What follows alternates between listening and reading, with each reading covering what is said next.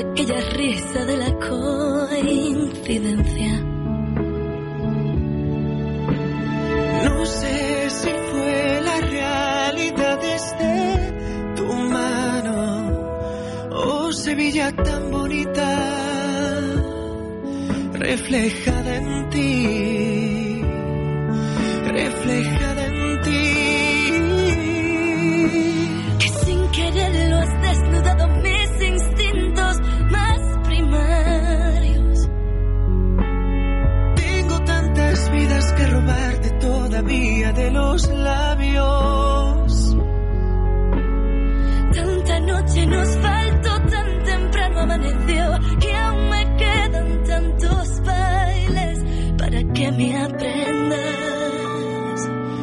para tú dejar.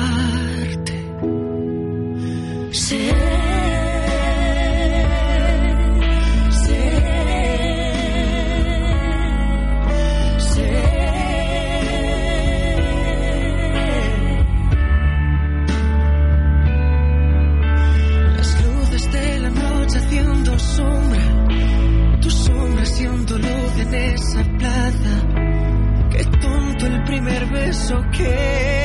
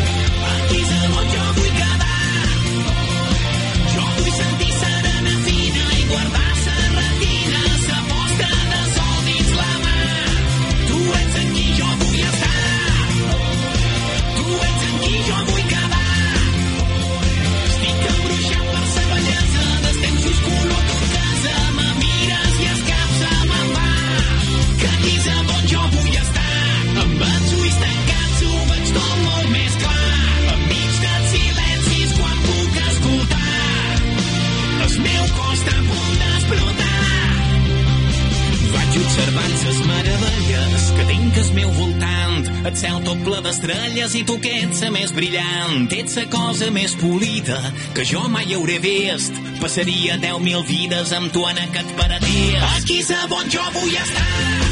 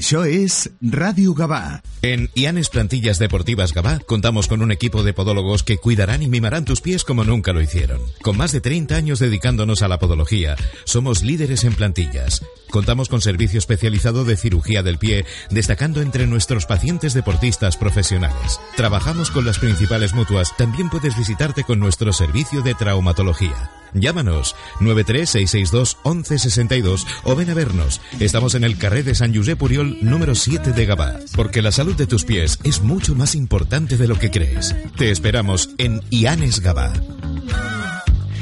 Hola.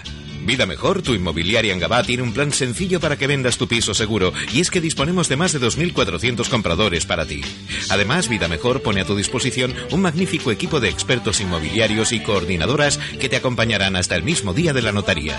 Te esperan en Paseo Maragall número 20.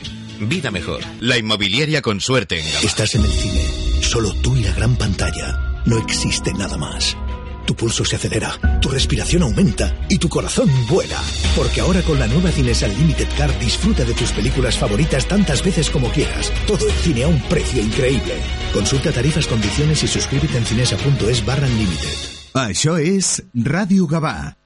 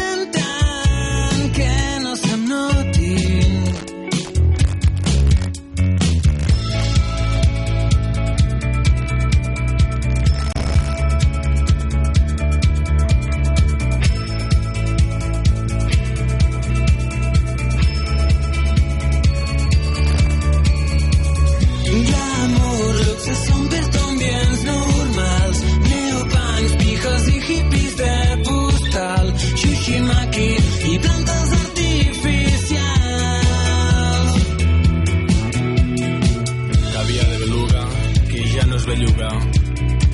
Amistats efímeres i vida social. Un aprenent de rockstar com a acompanyant. Queda molt bé quan vas de fent fatal. Ja sé que per tu és Nadal tot l'any Tren de vida d'alta velocitat descapotable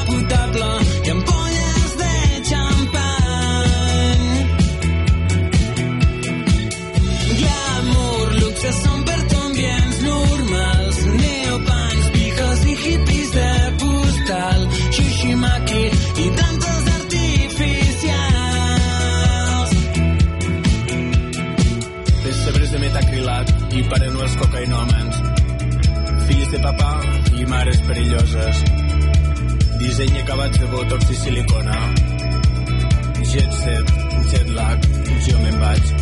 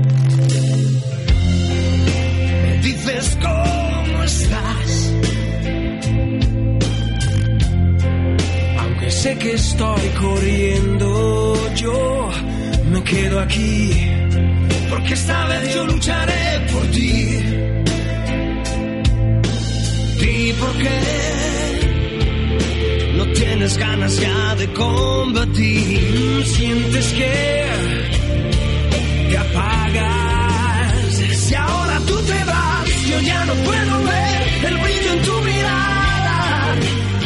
Dos hacen el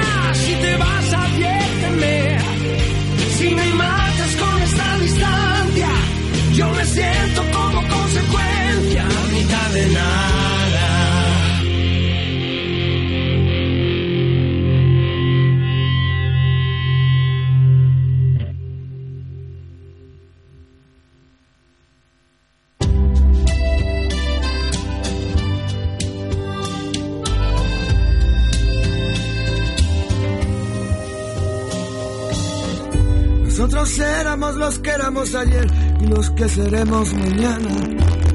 Nosotros somos los de me quedo, si te queda. Nosotros éramos los que quedábamos bajo la mesa.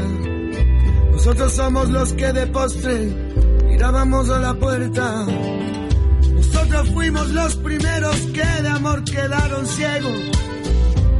Y los que hicimos de una esquina un recuerdo eterno. Nosotros somos los que suplicábamos que estalle el mundo entero. Sobreviviremos, hemos vivido nuestro sueño. Yo soy el tiempo que tú y yo hemos compartido. Ahora dime que no, perdemos los dos y te vas. Ya que no me dejas, a que te enamoro una vez más antes de que llegues a. Que no, a que no me dejas, ¿De qué hago que recuerdes y que aprendas a olvidar. Y a que no me dejas, a que hago que se caiga la muralla de tu pena. Que te des, te entregas que ni siquiera te des cuenta. Si quieres apostamos, corazón.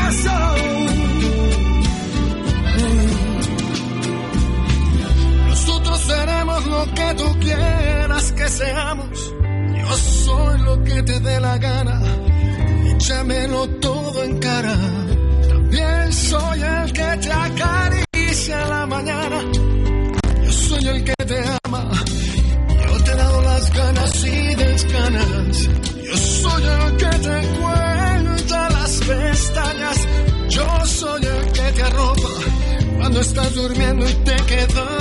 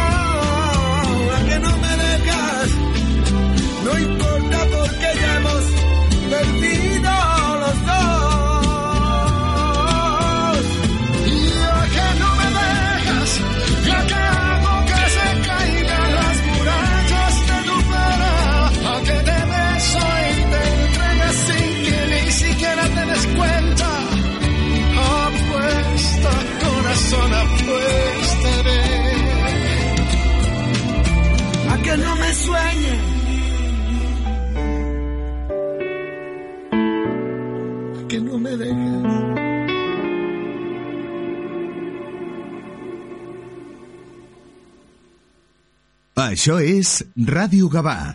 Aquesta primavera transforma el teu somriure a les clíniques dentals d'instituts odontològics. Aprofita el 20% de descompte en tractaments d'ortodòncia invisible i emporta't de regal un emblanquiment dental. Demana cita ja a ioa.es o truca al 900 131 002. Instituts odontològics, perquè quan estàs bé, somrius. A Gavà ens pots la Rambla de María Casas 78. Si buscas especialistas en electricidad, fontanería, climatización, reformas, ahorro de energía o recarga de vehículos eléctricos, nos encontrarás en Yum Gavà, asesores energéticos y especialistas en energía verde. Consúltanos sin compromiso y confía en la experiencia profesional de los que siempre estamos a tu lado. Yum Gavà. Te esperamos en el Passeig de Joan Maragall 25 de Gavà. Teléfono 93662-2707 o visita nuestra web yungavà.com. Yum Gavà, siempre a tu lado. Això és Ràdio Gavà.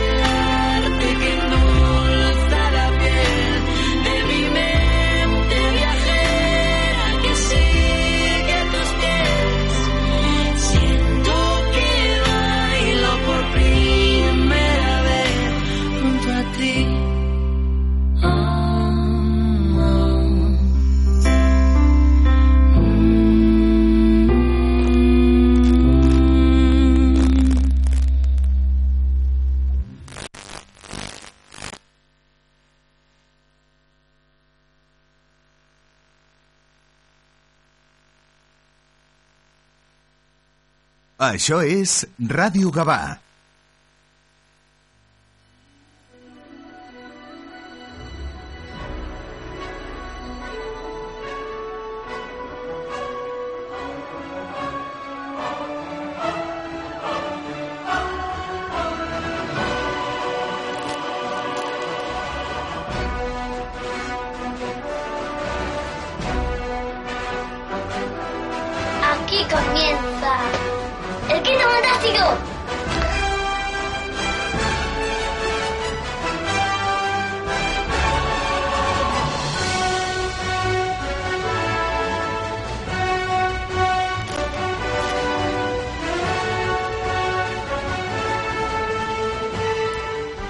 8 de la mañana y 46 minutos. Muy buenos días y bienvenidos a una nueva edición del Quinto Fantástico, episodio 13 de la novena temporada.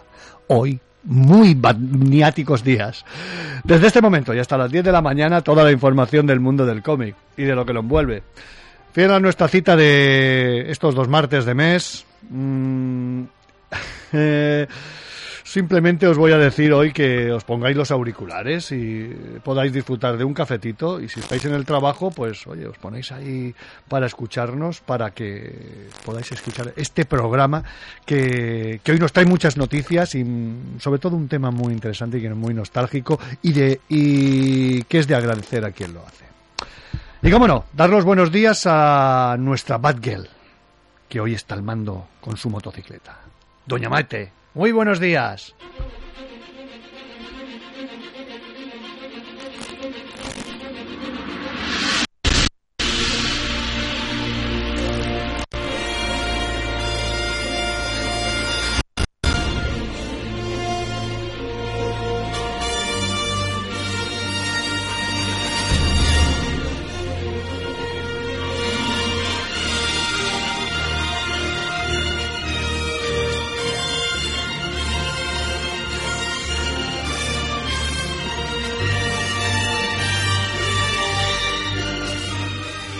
Hoy tenemos un, un programa un programa muy especial.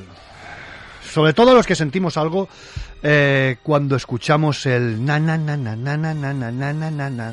Cuando escuchamos eh, cuando lo escuchamos en sintonías, cuando vemos la bat señal, cuando escuchamos palabras como la bat cueva, el bat comunicador, cuando escuchamos santos raviolis, santa caja de sorpresas, santo batimóvil, santo Udini, a todas ellas y a todos ellos va dedicado este programa. Eh, y cómo no, el mejor anfitrión no podía ser otro que Doc, Pas- Doc Pastor con, con su libro recién salido del horno, Batman in Color 66. Y también me he rodeado de, de un gran amigo y de un gran, gran Batmaníaco, pero en todos los aspectos, eh, en cine, en cómic, bueno, es una auténtica devoción y un, y un auténtico delirio lo que tiene mi amigo Alberto Tais Lorazot, que lo podéis encontrar en, en Twitter, eh, en Facebook, en Instagram. Un auténtico lujo tenerlo y poder charlar sobre, sobre, esta, sobre esta serie, sobre este libro con, Dos Pastor. Eh, estará asesorándome, estará ayudando y ya veréis que no, no resulta, no, no resulta indiferente. Así que nada, eh, Maite, la bat señal y vamos al lío.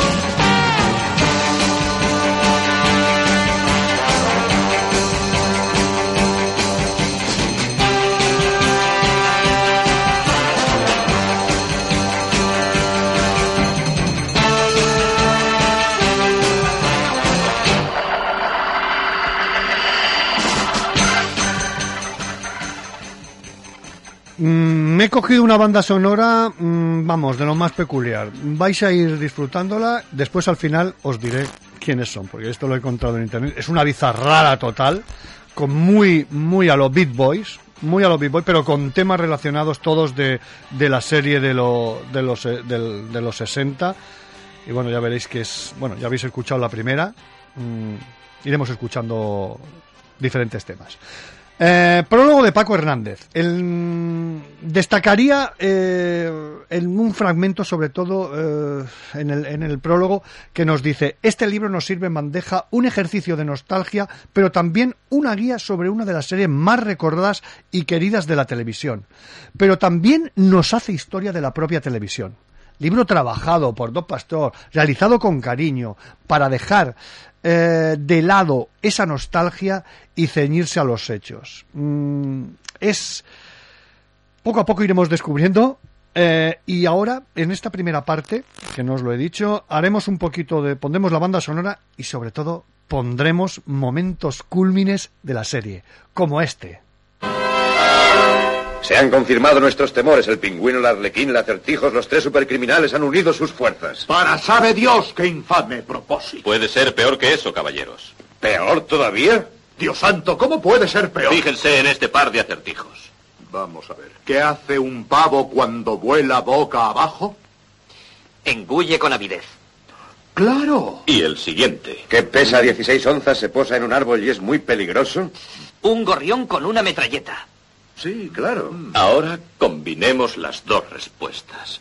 ¿Qué criatura engulliría con avidez a un pájaro en un árbol?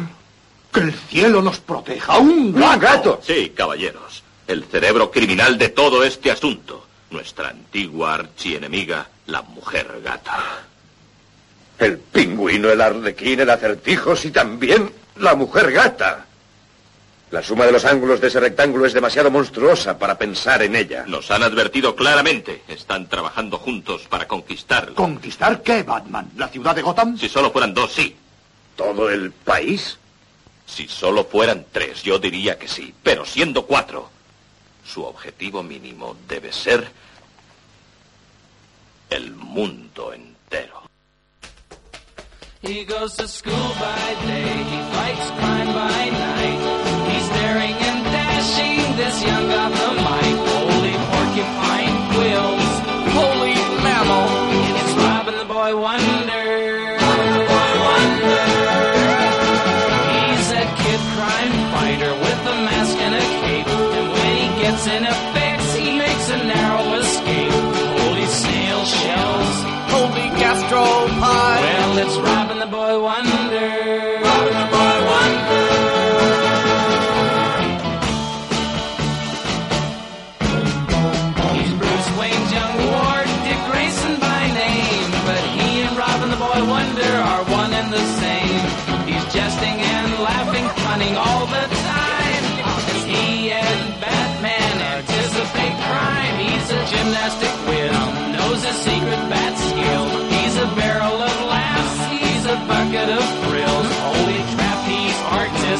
Holy you asked for it. It's Robin the Boy Wonder.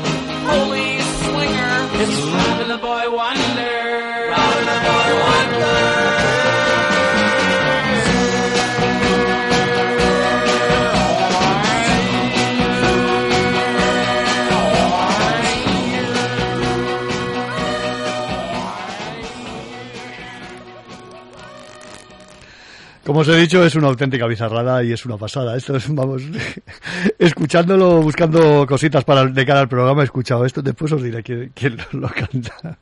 Eh, bueno, en el epílogo, eh, hay que destacarlo ya que todo es un canto al fandom, ¿no? Eh, Y fijaros quién, quién realiza el, el epílogo, Claudio Serrano.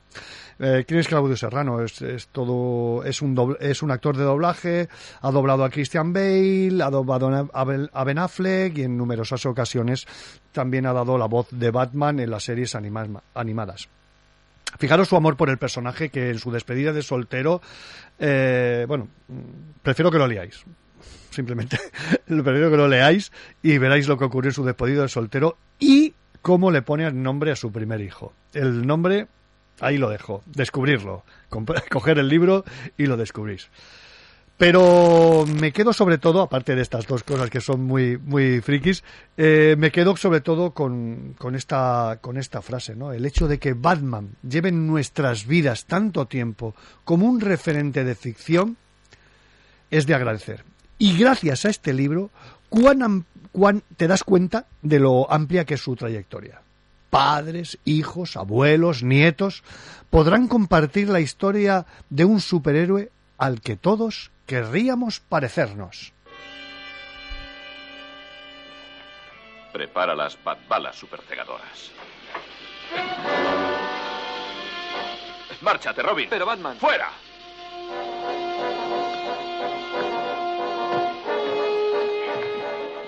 Vamos, Batman. Batman.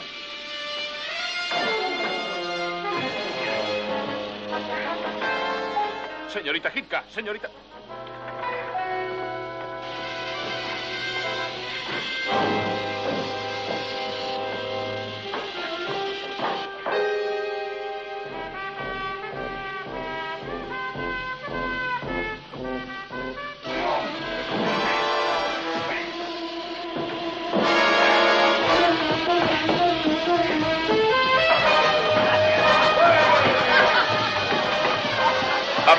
¡Corran todos para salvar la vida! ¡Rápido, salgan a la calle!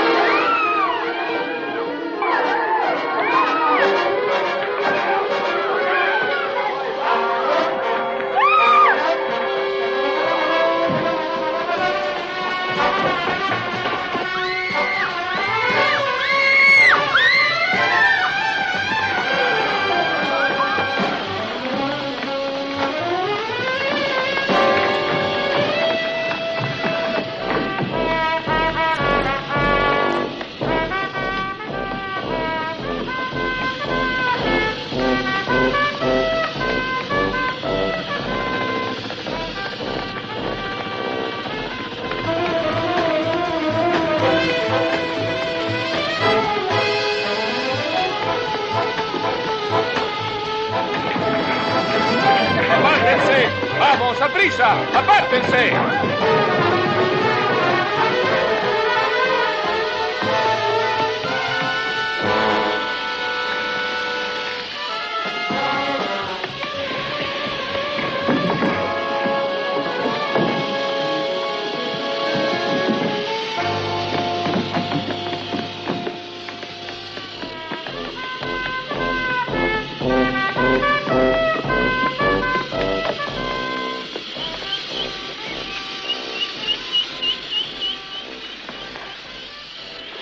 En que no sabe uno cómo deshacerse de una bomba.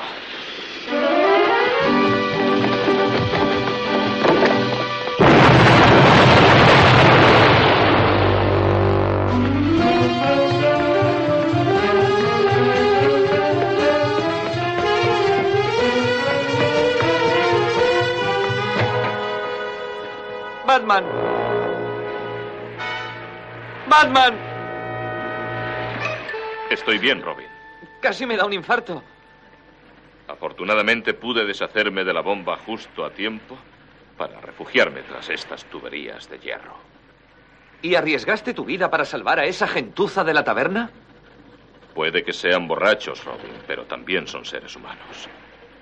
Y debemos salvarlos. Tenía que hacerlo. Pero hemos perdido la pista de la angelical señorita Kitka. Ha desaparecido. I don't know who he is behind that mask, but we need him, and we need him now. He's known as Bruce Wayne by day, wealthy socialite. But incognito in dress, he finds crime by night.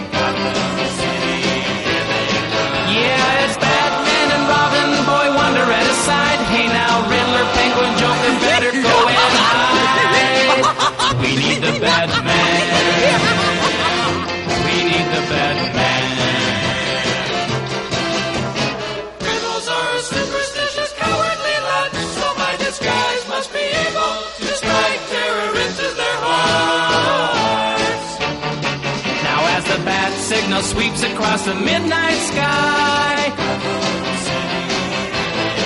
Somewhere in Gotham City it'll find the Batman's eye. There's a crime wave going on but not for very long Cause the Batman's gonna teach him right from wrong. They call him Batman. They call him Batman that strange car? No, why? It was shaped like a bat. So when you see the Batmobile quickly pass you by, you know they've heard the bat phone and the commissioners cry.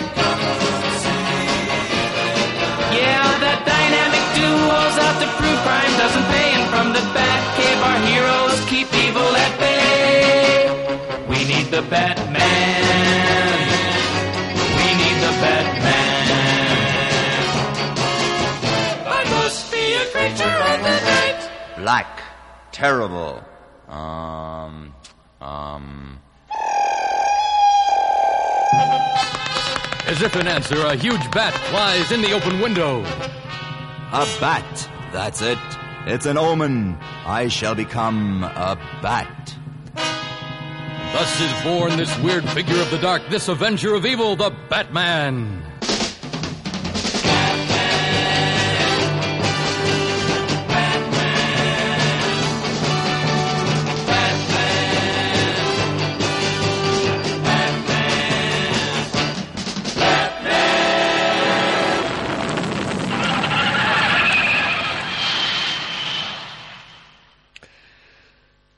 Voy a, desvelarlo ya. El, nombre de esta bizarrada. Esta bizarrada son eh, Jen Andin eh, Ahmed. Bueno, lo podéis encontrar por, eh, en YouTube. mm, vienen todas estas canciones, que son una auténtica pasada. Jin Andean, Jean Andean Ahmed. Eh, si hubo alguien que quedó encasillado en el papel de Batman fue Adam West y como no también en el pa- papel de Robin pues fue Burward. Pero si algo que con el paso del tiempo se ha vuelto un icono mm, de episodio fue el cameo que hicieron con, con el avispón verde, ¿no? Ahí con, Bru, con Bruce Lee, con Van Williams, Van Williams en el papel de del avispón verde. Fue un, eso yo creo que ha quedado para la- los anales de la historia de la televisión como el gran cameo de, de las series. Tenemos un trocito.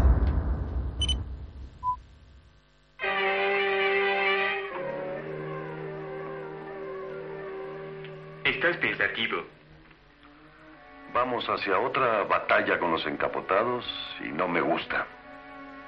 ¿Por qué no? Nunca hemos huido de los problemas. Sí, pero esta doble identidad nos trae otro tipo de problemas.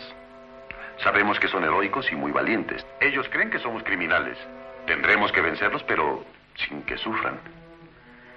Kung Fu es Kung Fu. No es juego de niños. Lo sé, pero nuestros trucos tendrán que ser templados con criterio amplio. Tenías razón, Robin. Es un buen método de hacer ejercicio. Así, no hay nada tan bueno como una buena subida. Eh, silencio, silencio, por favor, damas y caballeros. Tenemos aquí el famoso sello egipcio, el Nilo corriendo al revés. ¡Maravilloso! Ese es goma. Y está disfrazado. El avispón entró por la puerta trasera y el dúo dinámico por la ventana. Estoy listo. Cato en marcha. ¡Avispón verde! ¡Y el dúo dinámico!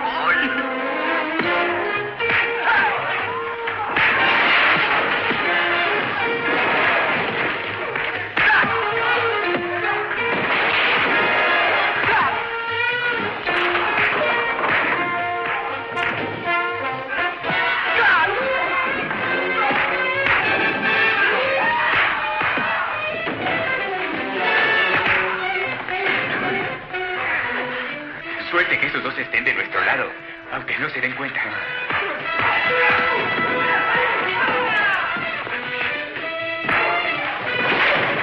Suerte que esos dos no estén aquí todo el tiempo.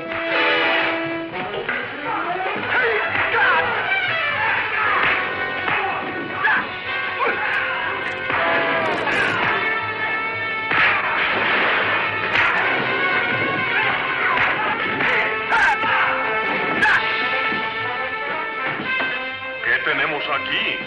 ¿Un empate? ¿Un reto?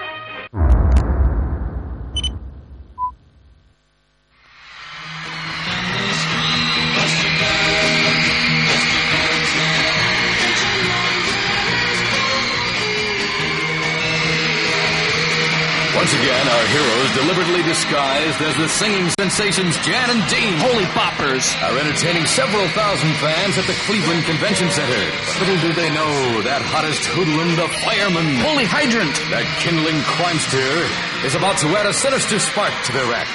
Folks, weren't they just great? Let's give them a big round of applause.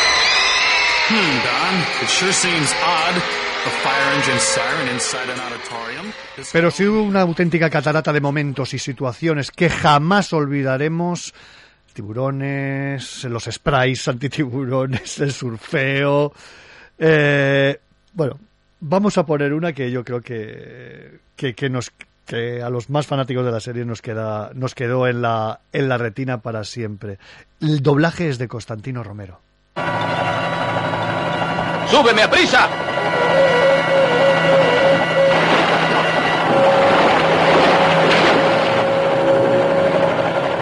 ¡Menuda sardina!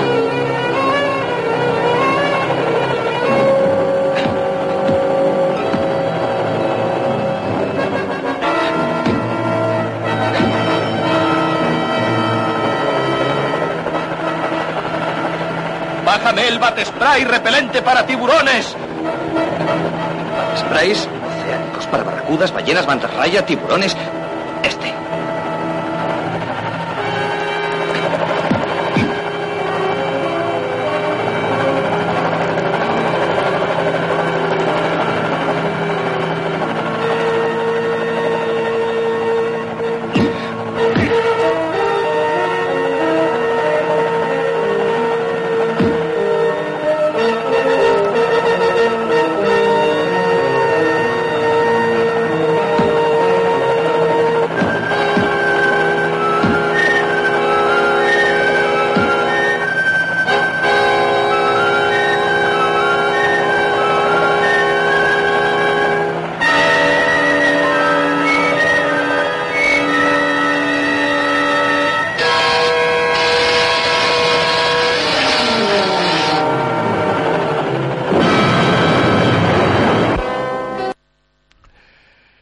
Ahora nos vamos ya, vamos a entrar de lleno en, en- con, con nuestros invitados, con Dos Pastor y con Alberto Tais.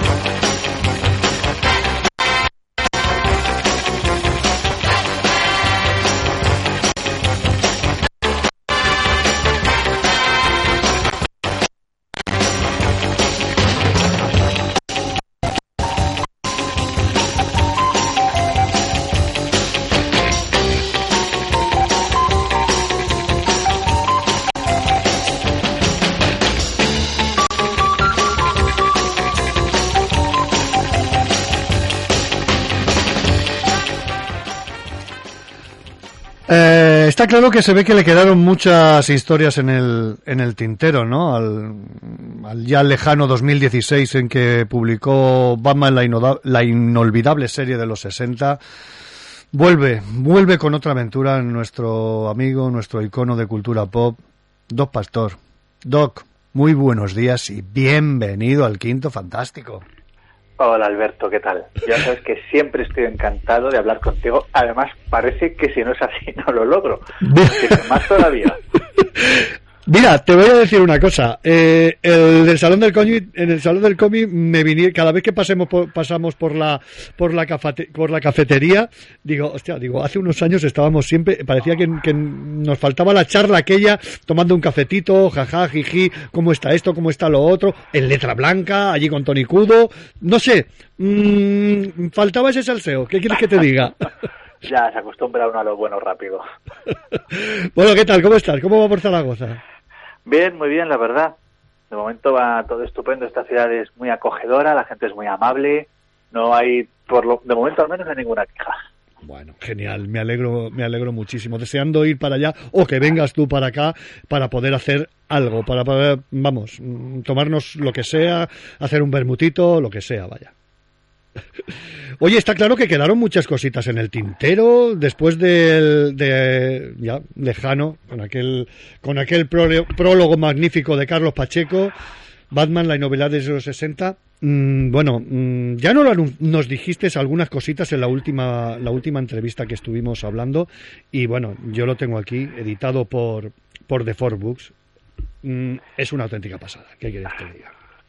Reconozco que, dejando de lado la parte de texto, que es de la que soy responsable, el diseño que se han currado en The Force es precioso. Es justo lo que yo quería cuando hice el, el que has dicho antes, el- el- la primera versión, por así decirlo, la inolvidable serie de los 60. Eh, siempre tuve en mente sacarlo con una editorial, pero en su momento no lo hice porque, bueno, no sé si sonará mal o no, pero es que no me fiaba de ninguna de que hicieran lo, lo que yo quería que fuese este libro y años después, años después acabó sucediendo, acabado sucediendo con esta editorial. El libro evidentemente no es el mismo que en 2016, ha habido cambios, ha habido cosas que se han ido, otras que han entrado, he revisado, he hablado, claro está, de la muerte de Adam West, había que hacerlo, porque había sucedido, ¿qué lo vamos a hacer? Es una putada, pero es lo que hay. Y ya te digo, y con el diseño eh, de Foss entendió muy bien lo que yo quería y vamos, desde el minuto uno yo estoy encantado con su diseño y con la propuesta que han hecho. No, y aparte, bueno, es lo que tú dices. Ya, ya nada más que, nada más que, bueno, la portada es, es impecable, colorido, que es lo que queremos el fandom de, sobre todo los que amamos esta serie. Eh, colorido, mm, fotos increíbles de, de Burwar. Una la portada, una- de hecho, la portada es un homenaje a una portada de uno de los cómics de la serie Batman 66. Sí. Está ya desde el principio ahí colado. Mucha gente no se da cuenta porque ve pues el collage y eso, pero es que eso en realidad es la portada de un cómic, solo que aquí en vez de dibujado se ha realizado en, en- montaje real. Sí, sí, sí, no, es que es, es una auténtica... Mira, yo, pues yo no había caído. Claro, ve- ves todo, ves un... eh, eh, los ves a los personajes, ves figuras, ves un poco lo que, va, lo que nos va a recoger el libro, lo que nos vas a ofrecer tú, ¿no? Vas a dar ahí un repaso, aparte del, del Batman 66, yo lo recomiendo mucho, porque es que es un repaso a orígenes, de dónde viene esta serie, eh, mm, sus, su, después sus, cameos, sus historias en el cine, merchandising, que es muy importante de cara a quien quiera, quien quiera hacer, quien quiera comprar unas figuritas. Mira, de hecho, ya que hablas de merchandising, ah, justo antes de que me llamaras estaba yo recolocando mi vitrina del Batman de los 60, metiendo un par de cositas nuevas, el vinilo original de los 60 y una hucha que es el teléfono que además suena, estaba colocando todo. Y es que ahora mismo no somos conscientes, porque claro, tú das ahora una patada y sale merchandising por todas partes. Esto es así. Pero es que en los años 60, que una serie lograse tal nivel de producción de material relacionado, de, de actores esperándose por salir, de, de nivel de espectadores. O sea, cuando se dice que en el 89 con la peli de Tim Burton hubo una Batmanía, es verdad, pero fue la segunda Batmanía. La primera, la original, fue la del Batman de Adam West, de Woodbar, y ya te digo, viéndolo hoy, igual no parece sorprenderte, pero si lo ves en su momento, es como esto pudo pasar. O sea, el nivel de locura que había por la serie, tanto en América, América Latina, en, en Estados Unidos, claro, en toda América, vamos, en Japón, en España no, porque estamos en una dictadura y, en fin, la, la tarde. dictadura viene más tarde. Vino más tarde cuando llegó ya la gente no le impactaba. Pero tú lo piensas, empiezas a mirar material que había de esa serie y es acojonante. Y en un momento en el que el merchandising no era para nada ni tan habitual, ni tan ecléctico, ni tan extenso. O sea, eso es una señal del éxito que tuvo. Sí, la cultura del merchandising, yo creo que aquí España tarda mu- muchísimo en llegar. Quizá con el- los vértices aquellos de la primera vez que venían las camisetas aquellas, que los vendían, aquellas figuritas, pero tar- la cultura en sí tarda muchísimos años. No, sí, la, la cultura del merchandising en España, ya yéndonos a los temas, tarda mucho en parte por lo que decíamos en la dictadura. Yo a mi pareja, que es algo más joven que yo y bastante más que tú, eh, claro, yo le he comentado a veces que yo recuerdo cosas como el, McDonald's llegando a Valladolid o no sé qué. Me decía, ahora no, claro, digo, no es que tardase tanto, es que tendemos a pensar que cuando acabó la dictadura y llegó la primera votación democrática, aquí estaba todo hecho. Y dices, no, y ahí es cuando empezaron a llegar un montón de cosas. Claro, hablamos de que estamos a finales de los años 70. Yo nací a mediados de los 80. Claro, realmente hay muchas cosas que hasta los 90 no se implementan del todo en España. Eh, las tiendas de cómics, yo recuerdo de pequeño en Valladolid que había, a ver, Castilla Cómic. Y creo que igual ya. Sí, ¿Sabes? claro, sí, sí, sí. Claro, aquí también se tarda. Y luego tenemos que ahora mismo hay una cosa muy buena que ha pasado, que yo creo que en unos años se estudiará en los libros, igual en alguno que acabe haciendo yo, quién sabe, que es cómo el impacto de las pelis de Marvel Studios ha hecho que todo esto se normalice, se vea como un consumo masivo, la gente lleva camisetas, compra figuras, te vas al snack, te vas al Alcampo, tío, en el Alcampo yo me he comprado TVOs en el Alcampo, Sí, y yo, de estos baratitos. Sí, sí, ¿Ves? sí, sí, Claro. sí, sí, sí. Y en el Carrefour, en el Carrefour tienes figuras de Marvel Legends y unas locuras. El otro día paseando por un hipercore estaba el, el Lego, ¿vale? De Dominic Toretto con su coche de Fast and Furious. ¡El Lego! claro. O sea, y es cierto que todo empezó seguramente estas dos, esta locura que estamos ahora, para mí, con el Batman de los 60 y con Star Wars. Son los dos momentos hitos en el mundo del merchandising. Oye, un prólogo de prólogo de Paco de Paco Hernández, ¿no? Y creo que bueno, de Paco Hernández es eh, hablar, bueno, yo simplemente te digo que, que lo que lo sigáis en redes porque es un tío que da un, una, un- unas reseñas espectaculares y el epílogo de Claudio Serrano. Te decides por ellos dos. Yo creo que haces un poco ahí cómic y cine, ¿no? Bueno, pensando un poco en claro, el prólogo del, de la primera versión a Carlos Pacheco y eso había que cambiarlo, había que hacer un nuevo prólogo y pensé, a ver, nombres que pueden ser, a ver, está Claudio evidentemente y tal, y lo pensé, joder, bueno, Paco, nos conocemos hace un montón de años, ¿quién mejor que él para, con su extenso conocimiento de todos estos temas, también es fan de la serie, ¿quién mejor que él? Tenía que ser o el uno o el otro, así que dije, bueno, pues uno prólogo y el otro epílogo. Porque quiero que los dos estén, me parecen los mejores nombres para hacerlo y desde el primer momento han estado dispuestos, han puesto facilidades, es que son gente estupenda. Sí, sí, ¿no? Y aparte ya te digo que, que haces esa esa conjunción, ¿no? Ese, ese cóctel, ¿no? Como diría muy, muy 007, de empezar con, con Paco Hernández, ¿no? Sobre todo por el tema comiquero, y Claudio Serrano a nivel de, de, de cine. Oye, se nos va a incorporar a la tertulia un Batmaniaco que siempre, siempre que sacamos algo de Batman está ahí, nos, nos de esto y yo creo que nos enriquecerá hacia, hacia la entrevista que, que te vamos a hacer, a ti. Pues dale, adelante con ello. Alberto, Albertito, Lord, muy buenos días y bienvenido una vez más al Quinto Fantástico. Un placer, un placer. Y más para, para hablar de Batman siempre es bien. Oye, ¿qué tal? ¿Cómo estás? Muy bien, muy bien. No, ta- no tan bien como tú, que ya nos pasó Fran la foto. No tan bien, no tan bien como tú. que Bueno. hecho un, bom, un bon vivant. Un bon diván. Bueno, ya sabes tú que cuando eh, se junta con Carlos Playbook con- y con Fran, ya, esto ya es hablar cultura de cómic, de cine, de todo. Esto es demasiado. La, ma- la maravilla. La maravilla. Bueno, y, y ahí tenemos, eh, eh, yo creo que habéis coincidido alguna vez en redes y, y, y bueno, mm, Alberto sabe de, de tus obras. Alberto, Doc, Doc Alberto. No, no, no-.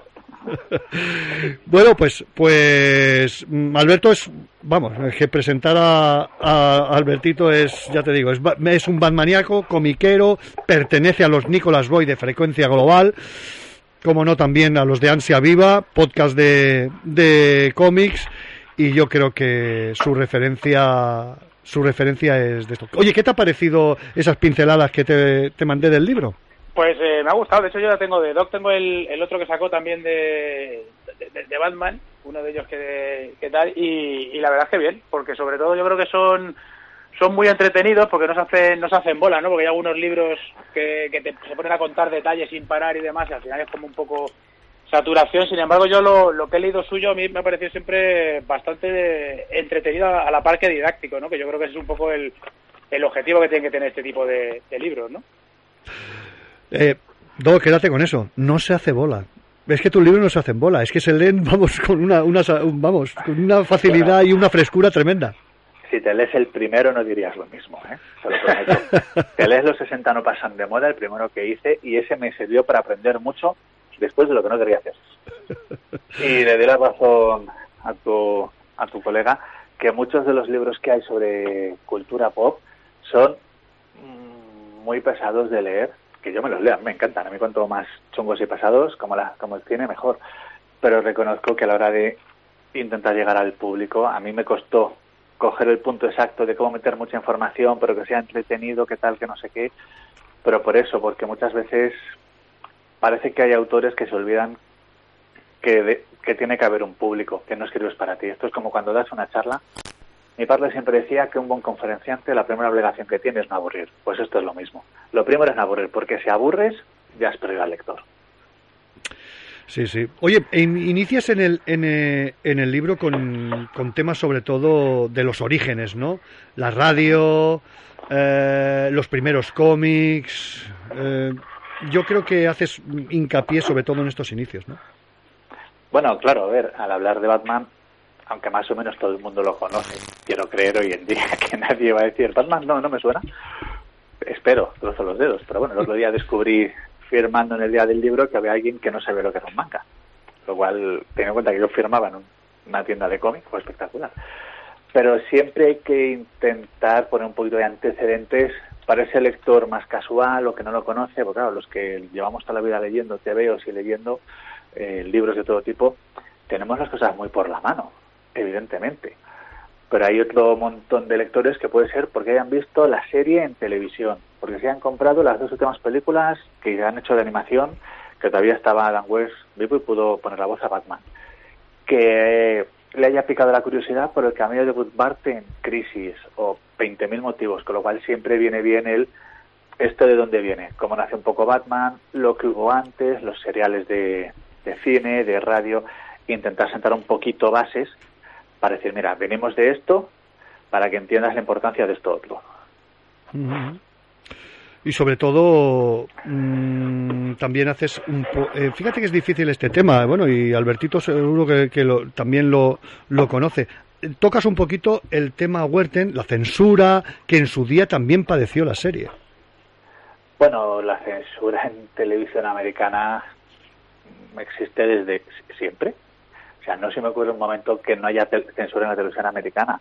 Miras cualquier serie de cualquier momento a partir de los 50, que es cuando empieza la televisión realmente con sus series.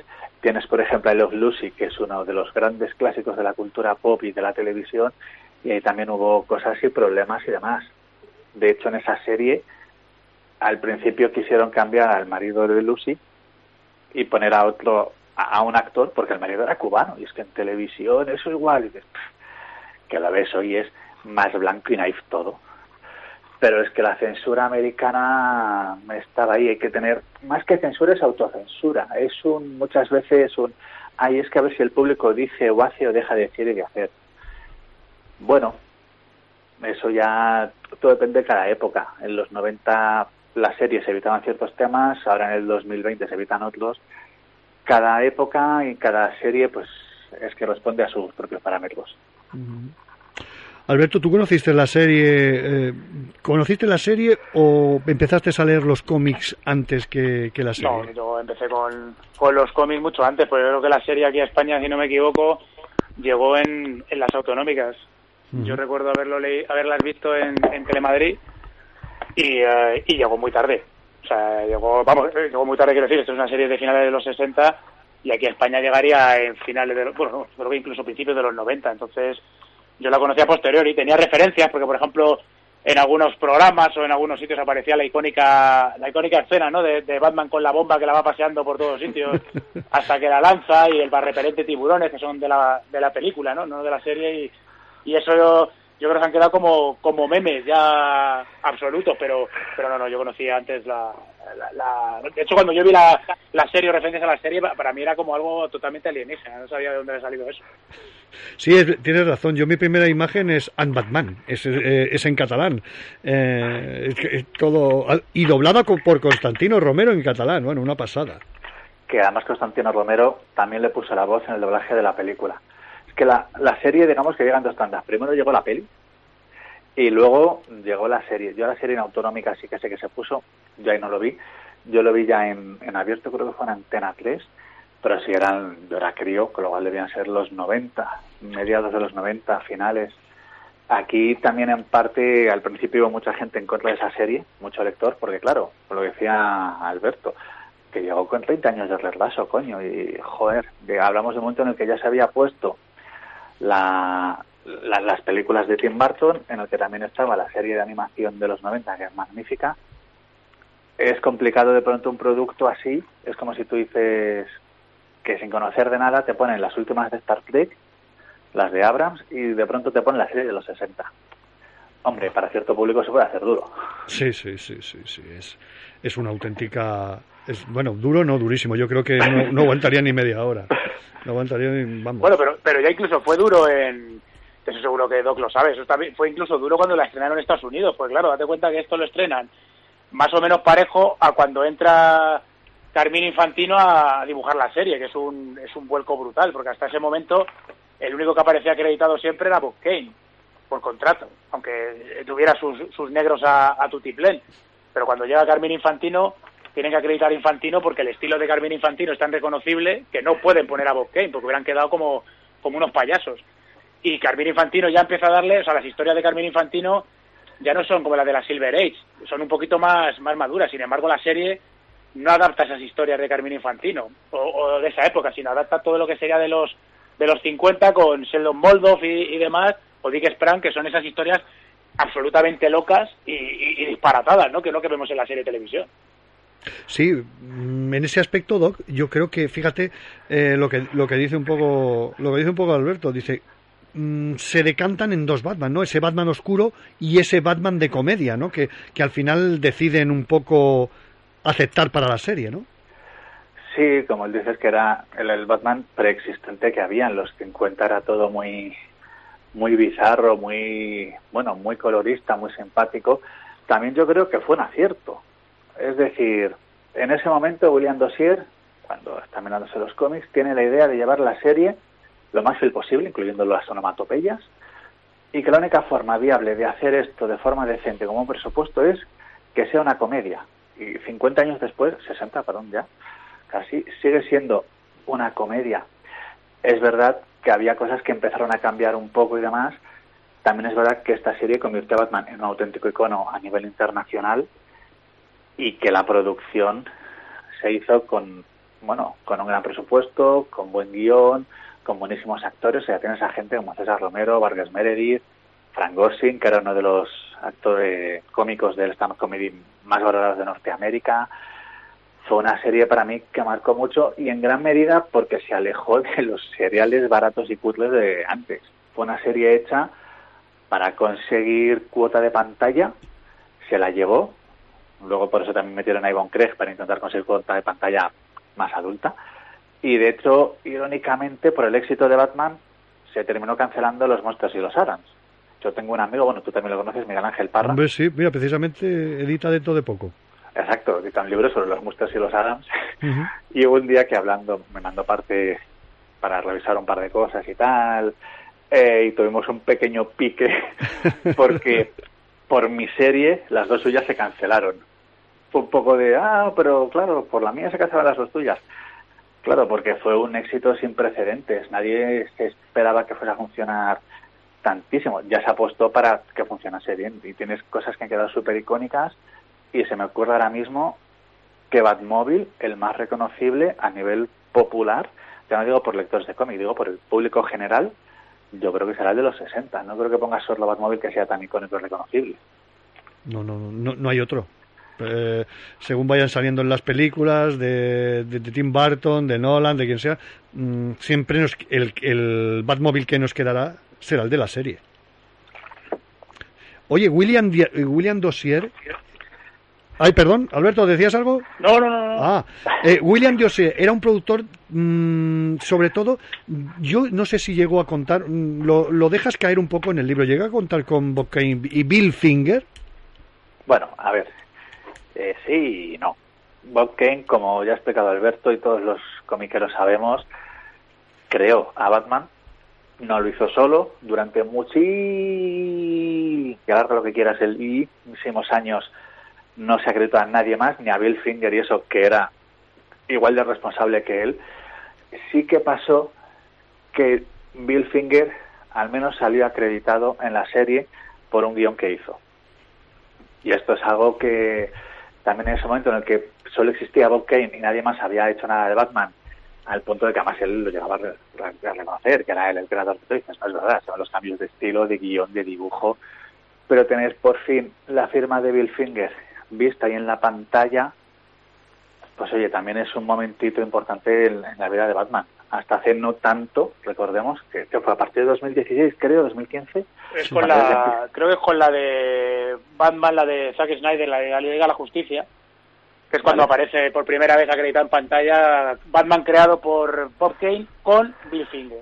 Claro, es eso, hemos tardado un montón de tiempo y al menos en la serie de los 60 no se podía poner que Batman era creado por Bob Kane, porque no se podía por los y demás, pero al menos sí que sale acreditado en un episodio, sale bien su nombre, bueno, al menos es algo. Sí, sí, ahí hay un... un- hubo, precisamente hay un libro, eh, el Serenata Nocturna, creo recordar, de Sí. David Lo, lo hemos comentado alguna vez, ¿verdad, Alberto? Sí, sí, sí. Que habla de toda, toda esta historia que es también muy, muy, muy recomendable. Sí, bueno, y hay, un, hay un documental muy bueno de, de- no sé cómo se llama, si es buscando a Bill Finger o algo así, o descubriendo a Bill Finger, que está muy bien también, que, que te muestran un poco eso, como el tipo crea Batman y vive absolutamente siempre a la, a la sombra de, de Bob Kane, ¿no? También tiene pinta de que era un- una persona un poco especial, ¿no? O sea, este, Iba a este recomendar, Finger. iba a recomendar yo también este documental, que además luego se adaptó también a cómico, al libro. Me, me puedo estar colando, pero pero sí, súper recomendable. Pero pasa un poco lo mismo que con Siegel y Saster. Siegel y Saster vendieron los derechos de Superman a DC y luego pues pasó lo que pasó. Tardó muchos años en ser reconocido de verdad.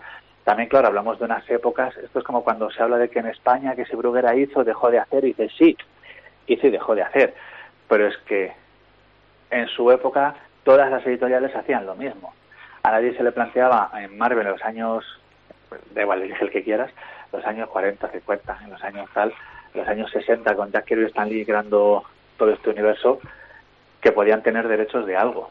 El primero en pegarse realmente conseguir fue Will Eisner y demás, pero claro, hoy en día nos parece lógico, ¿no? ¿Cómo no van a cobrar pasta si a The Disaster, aunque vendiesen los derechos? Hombre, que crearon a Superman, o sea, mira la... Claro, pero eso lo vemos hoy. En su momento, ves que las cosas funcionaban de otra forma. Mal, en mi opinión, funcionaban mal. Sí, desde luego que sí. Claro, no, no había tanta información como nos proporciona ahora mismo las redes sociales e Internet. Vaya. Eso además. Oye, eh, los dos personajes icónicos. eh, bueno, personajes y yo diría los actores, eh, tanto Burward como Adam West. Eh, ¿Tú crees que el personaje se los comió a los dos? Sí, a ver, a, a, Burt evidentemente porque no había hecho nada. Es decir, directamente este personaje, saltó a la fama, al éxito y ya no se quitó esto de encima. De hecho, todavía hoy en día, de cuando, cuando se salen las en el Día de Acción de Gracias y demás en su ciudad, están encima de Batmóvil saludando y todo esto, eh, bueno, se lo comió mucho, pero es que tampoco tenía nada. Adam West parcialmente porque sí era un actor ya que había hecho sus cosas, estaba haciendo Spaghetti Western, había tenido anuncios, tenía más o menos un cierto reconocimiento, vivía de ser actor, había estado en un programa de televisión. Pero claro, es que tú piensas que cualquier producto televisivo de éxito anterior, digamos, al 2005-2010, se comía a cualquier persona que interviese en él, porque no teníamos ta- tanta opción como hoy. Hoy en día un actor hace una serie de éxito, pero da igual, porque mañana puede hacer otra, o otra peli, y te va a llegar. Y hay muchísima producción. Pero tienes ejemplos desde Hasselhoff con el coche fantástico, y luego los vigilantes de la playa, el Batman de Adam West, los de Friends, que todavía hoy siguen con la etiqueta y mira que han hecho luego un montón de cosas. Ahora es mucho más complicado, pero en aquella época un éxito así, a, mira los de Star Trek, a, a Sadner a Nimoy, que han hecho un montón de cosas, han dirigido, Nimoy es muy buen director, bueno, era buen director y era fotógrafo también, y no se lo consiguió quitar. Adam West al principio intentó quitarse esta etiqueta, de hecho en el libro lo comento, hay un par de cosas de las que se intenta extindir, un anuncio de televisión y varias cosas, vuelve él también en alguna ocasión al traje, y al final, lo comentó en varias entrevistas, en la autobiografía, al final lo abrazó. Se dio cuenta de que sí, tenía su parte mala de que te encasillen con un personaje, pero por otro lado, también se dio cuenta de que haber hecho algo que ha marcado a tanta gente a lo largo de tantos años, se dio cuenta que era algo muy chulo. Tú lo veías en sesiones de firmas y no veías solo gente de 60 años, veías a padres, hijos, hijas, chavales adolescentes, además era muy divertido y muy bromista y demás. Claro, y al final acabó aceptándolo y se convirtió en un auténtico icono de la cultura pop. Fíjate, yo no lo sabía, el, eh, al- leerlo en tu libro, no sabía del libro este de Bourgois, el de My Life in Times, que es, y, sí, bueno, me vedan mayicas. Sí, bueno, yo no sabía que la cosa había derivado tanto. Fíjate, hay una frase que, que colocas en el libro que es, creo que nos habíamos convertido en una especie de vampiros sexuales. ¿no? No sé si, si habéis visto la portada de este libro, alguno de los dos, pero la portada No, de este no. libro básicamente es una foto al paquete de Robin. ¿Vale? O sea, tú haces una foto por encima de... O sea, justo por debajo del ombligo, ¿vale? Y hasta un poquito más abajo de lo que viene siendo la entrepierna, con sus mallitas verdes, es eso y pone mi vida en mallas. Ya te da una idea de por dónde va.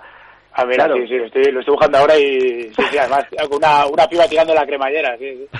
Sí, sí, o sea, el libro no da lugar a... Sí, sí, de hecho podría, ser, no, no, podría ser una, una, una peli porno directamente, de esta de parodia de superhéroes, ¿eh? Así, Uy, hay una peli porno ya del Batman de los 60 muy bien hecha, ¿eh? Se nota el cariño y todo. Pues, a ver, sí que es cierto que, claro, en los años 60, eh, era un crío, ¿vale? Y de pronto se encontró en todo este meollo. Adam West eh, no era un crío. De hecho, había tenido mujer y tenía un par de críos, pero se separó y demás. Claro, y era súper divertido y fiestero y todo lo que quieras. Se juntaron uno con el otro, el uno ahí sin saber qué hacer y otro ya experimentado. En los años 60, los actores más reconocidos de la televisión, conocidos en todas partes, pues oye, de hecho en el libro lo comento y en la película de Return to the Batcave sale un momento de la escena que hubo una vez que Adam West tenía una, una rueda de prensa organizada por su agente en su bungalow. ¿En el bungalow en el hotel? No me acuerdo. Eh, bungalow en el hotel, lo que fuese. Pero se, se olvidó de ello y se levantó con dos chicas ligeras de ropa, salió de la habitación con toda la prensa allí. Sí, sí, sí, lo pones y en la el libro. gente cagándose en los muertos. No pasó nada, todo el mundo pensó que era una broma, que era parte de la chanza de la serie y demás, pero luego, años no, no, de broma nada, que se le había olvidado que había ido a la cama con dos fans y al día siguiente se levantó por caje con todo el mundo allí. Ostras, qué fuerte, qué fuerte. Eh, hablando de, de- de- sobre todo de los personajes eh, que si se los comió, si se dejaron de comer, si se encasillaron etern- eh, eternamente.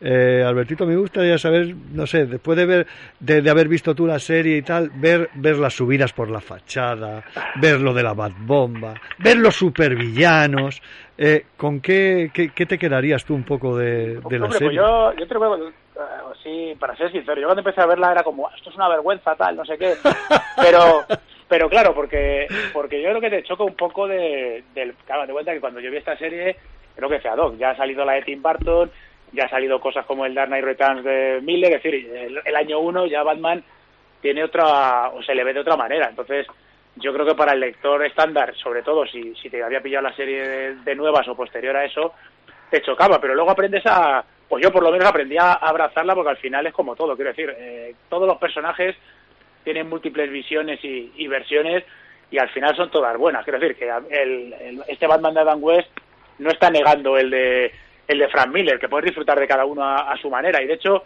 yo ahora mira que yo soy Batmaniaco y, y me gusta lo que se hace con Batman ahora, con algunas excepciones o con algunas eh, cosas que me gustaría que se hagan de otra manera, pero echo de menos un poco el, si no la coña en el personaje de Batman, pero sí un poco la, el- un poco más el rollo humano que podía presentar antes en los cómics, en los 80 o incluso en, en la serie, ¿no? Que ahora mismo Batman lo han convertido casi en un, en un semidios, ¿no? Y yo creo que es un poco, se echa un poco de menos la, la humanidad que tenía el, incluso lo tonto que podía resultar a ser el- esa serie de, de televisión, ¿no?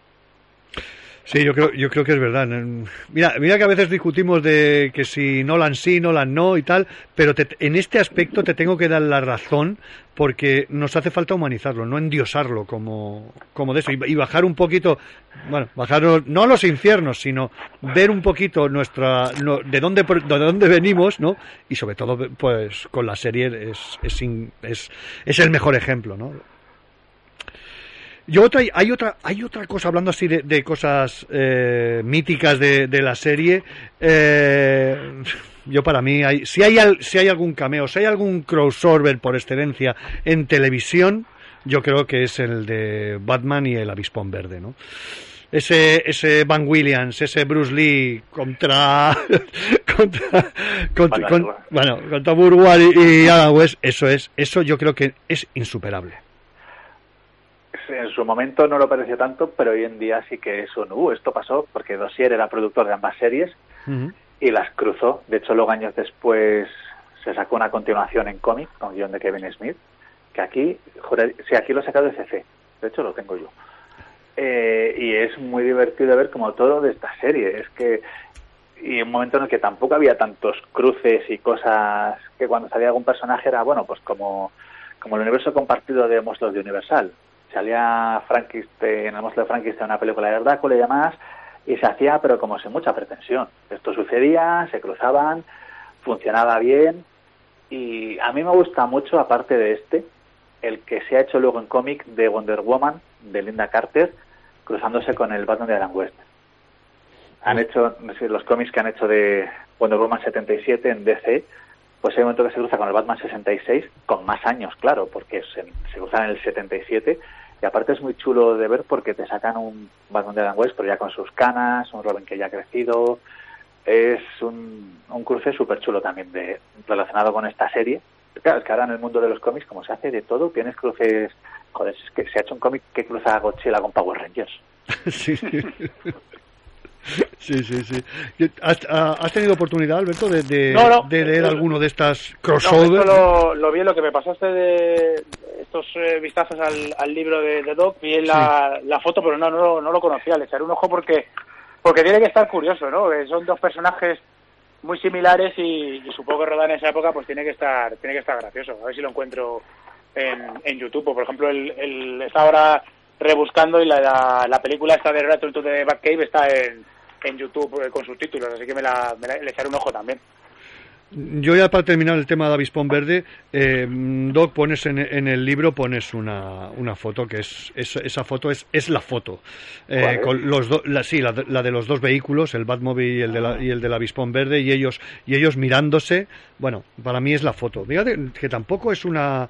Eh, no, no- es una foto que dices, hostias, eh, lo ocupa toda la página y tal, no, no, pero es que te, te- a mí por lo menos me llega, me llega al alma, ¿no? El, el, ver a estos dos, ¿no? Ahí están, están los dos hablando más o menos ahí, y bueno, y detrás eh, Robin y Cato, eh, bueno. Y- Como secundarios. como claro. secundarios, pero mm, el ver de frente a los dos coches, esa foto a mí me. Bueno, sí, vamos, es que si la vieran póster, vamos, que no, no dudaría un minuto en, en, en cogerla, vaya. En Y cogerla. esto de haberse hecho en otra época, no te digo ya en hoy, igual hace 20 años, hubiera sido un boom, se hubiera promocionado todo y más, hubiera sido una barbaridad, creo que es lo que comentaba antes. Cuando se hacían cruces muchas veces eran como, bueno, de casualidad, sale este aquí, sale este allá, no se promocionaba más, la gente que salía por las ventanas en Batman y Robin, que se hizo en parte porque no podía salir todo el mundo que quería en la serie, por lo cual dijeron, bueno, ¿cómo lo podemos hacer? Pues cambio de las ventanas. Tampoco es que se promocionasen, no había publicidades diciendo, hoy saldrá Larch, hoy saldrá Jerry Lewis. No, tú veías la serie, si eras niño no lo pillabas, si eras adulto decías, anda, coño, Jerry Lewis. Sí, sí. Yo, mm, Lord, te recomiendo sobre todo. Es que mm, yo creo que yo creo que nadie ha hecho eh, nadie ha hecho las famosas. Siempre todo el mundo habla de, de la famosa fachada, de las ventanas que se abre, de quién sale y tal. Pero Doc, nos haces una una eh, bueno, no, no, no, no puedo hablar ni de capítulo, pero nos haces una una recreación con todo prácticamente todos los personajes que van apareciendo desde bueno desde Pa- Papá Noel la aparición de, de Jerry Lewis eh, el, pro- los pro- el propio Avisto- eh, Avispón Verde y Cato mm, el gran Edward G. Robinson bueno Hombre, y, y, por ejemplo sale, o sea, es que es un poco lo que dice Doc, es que yo creo que no somos conscientes de la influencia pop que tiene o que tuvo esta serie. O sea, a nosotros nos llegó muy tarde, no somos americanos, con lo cual eh, esos personajes no son representativos para nosotros y, y aparte nos llegaron 30 años tarde. Pero yo supongo que en la época tuvo que ser una locura tu ver en la serie a Sammy Davis Jr., a, a Kitt, o verte, por ejemplo, eh, a Otto Preminger, o sea, Otto Preminger Eh, hacía- eh, hizo de Mr. Frío, o sea, es que son cosas que en esa época tuvo que volarte la cabeza. Y sobre Y todo que no había ni internet, ni redes sociales, ni, ni historias. Y tienes a Vincent Price haciendo también, También, de cabeza de huevo.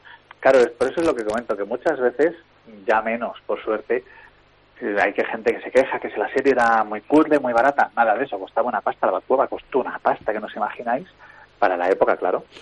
Eh, y pero es que la prueba de la importancia de la serie era todos esos nombres, porque era la serie más vista, la mejor pagada, todo el mundo quería estar. O sea, es imposible de entender. Y es lo que decía Alberto, en nuestro país, como llegó tan tarde, en otro momento, y- igual se entiende más hoy que tenemos mucho más acceso a Internet, hemos leído muchísimos cómics, hemos visto la serie homenajeada en un montón de cosas, desde el cruce de crisis de CW, en cómics, lo hemos visto 20.000 veces, igual sí que podemos ser un poco más conscientes de lo que fue. Yo ahí tengo la suerte que, como siempre me gustaron las cosas de los años 60, pues yo ya estaba enfilado, a mí me parecía estupendo todo. Pero es cierto que muchas veces explicar lo que supuso esta serie y todo lo que logró con, con Alfred, con Batgirl, con Batman, Mr. Freeze, o sea, el acertijo era un personaje que no le importaba a nadie. Y mira lo que se convirtió en Mr. Freeze. Tuvo tres actores y el diseño de Mr. Freeze de hoy en día es el de la serie de los 60, no era el que tenía en el cómic. El cómic tenía las mallas estas como naranjas, con piquitos. Sí. Acá- Aquí se lo cambiaron. Luego el origen lo terminó de remozar Bruce Timm en su serie, pero el diseño viene de ahí. Hay un montón de cosas. Y dices, coño, es que si no fuera por esta serie, no, no, no sería, Batman no sería como lo conocemos hoy, para bien o para mal. y sobre todo sobre todo lo que tú dices ese elenco aparte de los invitados no como, podía ser eh, Vincent Price todos estos y tal pero el elenco de, de los personajes que hacían cada episodio en los secundarios tía Harriet comisario Gordon Alfred le, yo creo que enriquecen porque se sumen a esa a esa comedia, ¿no? De, de- a esa importancia, ¿no? De todas las misiones. Yo es que me quedo mucho, eh, sobre todo con el comisario Gordon, cuando recibían el, eh, el- cuando recibían la llamada. Es que era creíble, es que estábamos, es que la Tierra, el planeta estaba en peligro. Sí, a ver, es- tienes que meterte a juego, si no, no funciona. Y aparte, es una comedia, como todas las buenas comedias, no porque Batman y Robin sean cómicos en sí, sino porque son súper serios. Ellos se toman súper en serio su misión de luchar contra el crimen con su ordenador, sus huellas digitales, con el ordenador que te dice los criminales de Estados Unidos y los que te ponen los de Canadá y no sé qué. La locura es alrededor. Esto es como cuando te ves, agárralo como puedas, Lo mismo, ah, sí, sí. Claro. Sí, una, una buena comparación, sí. Sí, sí, es que es eso. Leslie Nielsen, es, bueno, ¿qué narices? Me, me voy a los 60. Cuando te ves la Pantera Rosa, Sí. tú te ves la Pantera Rosa y el incluso de Peter Sellers, sobre todo en la primera, no es tonto, ni es idiota, ni Sherlock. Es un policía que sabe lo que está haciendo, solo que es un señor torpe y las cosas le salen mal, pero no está desencaminado, es un solo que alrededor está toda la puñetera locura en la que vive. Pues es un poco lo mismo. Y mira, lo que comentabas de secundarios, en la serie desde el principio pagaba muy bien porque Alan Napier, que ya era un actor reconocido, le ofrecieron hacer de mayordomo de Alfred. Y en su momento comentaba en una entrevista que le dijo a su, actor, a su agente, perdón, "Eh, ¿y yo por qué quiero estar en esta serie haciendo el mayordomo de Alfred? No me, del mayordomo de Batman, no me interesa. Te pagarán, no me acuerdo qué barbaridad, vale, pues entonces fui mayordomo de, de- de Batman. Esto era así de sencillo, es hay que verlo todo en su contexto, pero también entendiendo que gracias a esta serie hubo un montón de cosas que cambiaron. Igual que gracias a la serie de Bruce Timm tenemos este origen fantástico de Mr. Freeze, al final todos los creadores consumimos los creadores. Yo leo libros y escribo libros. Los que dirigen pelis de cine también pelis de cine. Todo acaba in- influyendo a todo. Tienes a gente como Jeff Jones que lo mezcla todo a loco y suele salir bien, pero es que es lógico. Tienes en esta película se hace esto, pues sin querer te influye en esto otro. La Batcueva no apareció en realidad hasta uno de los seriales, de- del 43 creo que fue. Todo al final acaba influyendo, es como tú te ves la serie de los 90 de dibujos de Spider-Man, que ha envejecido muy bien, no como la de X-Men, y el diseño de Peter Parker es Nicholas Hammond, que es el actor que hizo la serie de acción real. Claro, sí. Al final todo influye en todo.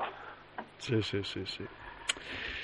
Dos cositas ya, una para cada uno, muy concisas, porque hoy tenemos el tiempo con, la- con las batallas electorales, nunca mejor dicho, y nos entran a las 10 de la nos entran como, nos, en- tenemos que dejarlo un minutito antes para que entre la propaganda electoral.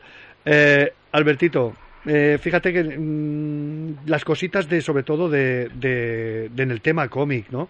La, la repercusión en el mundo de las viñetas, ¿no? De que, de, de que aparecía con esta serie, el, Bam- el, el Kingdom Come, eh, Sí, el hombre, Planetary. el- es el especial este Planetary con Batman. Bueno, y Morrison en su etapa también hace bastantes guiños a, a estos personajes también, ¿no? O sea, yo creo que, que al final es algo que ha permeado, lo que decía, ¿no? Que esto al final eh, todo se coge de, de todo, todo se hace referencia, ¿no? Estas expresiones que tenía Robin de Santas, no sé qué, pues eso el, en el cómic ha aparecido también, también mucho. Y eso también yo creo que, que es una muestra de, de cariño, ¿no? Porque, claro, los, los autores que se han puesto a hacer esos guiones, esos dibujos, en un momento dado han sido niños o, o adultos, han visto esa serie, les ha gustado y es una manera también de hacer un, un pequeño homenaje a, a la misma, ¿no?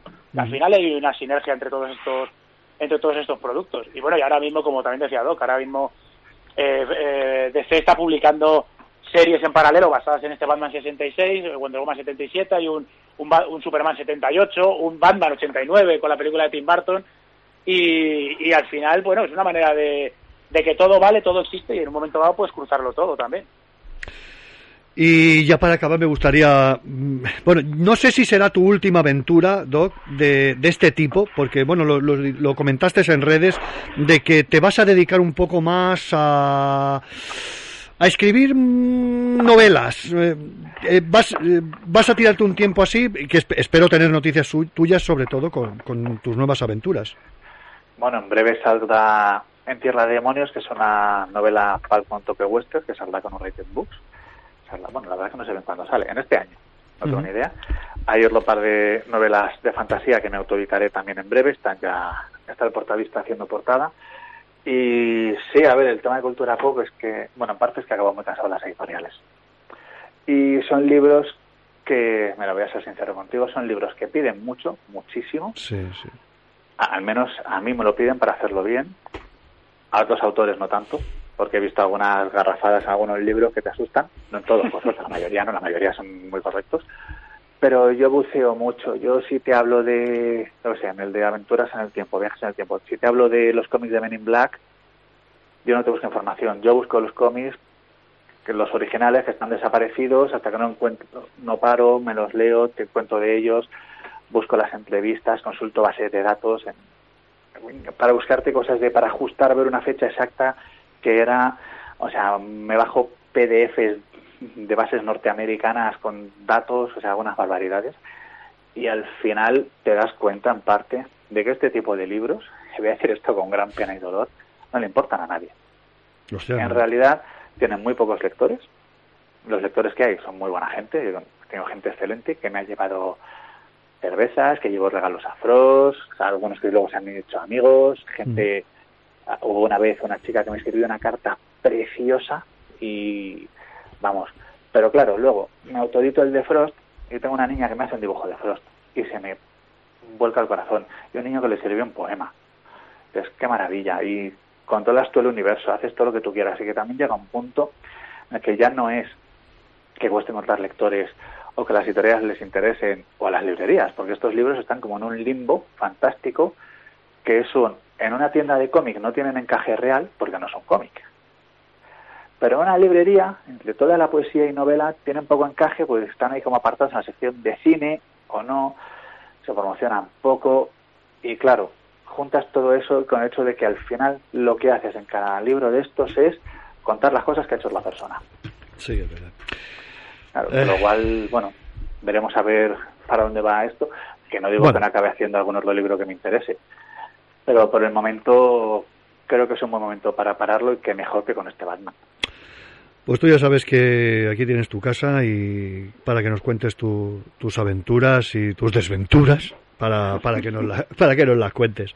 Hoy ha sido todo un lujazo. Bueno, conocer primero el libro, conocer Batman in Color, editado por The Four Books. Un placer, sobre todo para todos los, los Batmaníacos y los que amamos esta serie. Y también agradecer a Alberto Tais, Albertito, amigo, mm, tenerte ahí para, para dar ese toque de, ese toque de calidad que, que nos falta cuando hablamos de Batman. Un placer, un placer, vamos, yo me lo he pasado, me lo he pasado genial. Ha estado súper guay. Nenes, os emplazo, os emplazo para la próxima y muchísimas gracias por haber participado una vez más en, eh, en el quinto fantástico de Radio Gaba. Un placer, señor. Un abrazo a los dos. Hasta luego. Hasta luego. Abrazo.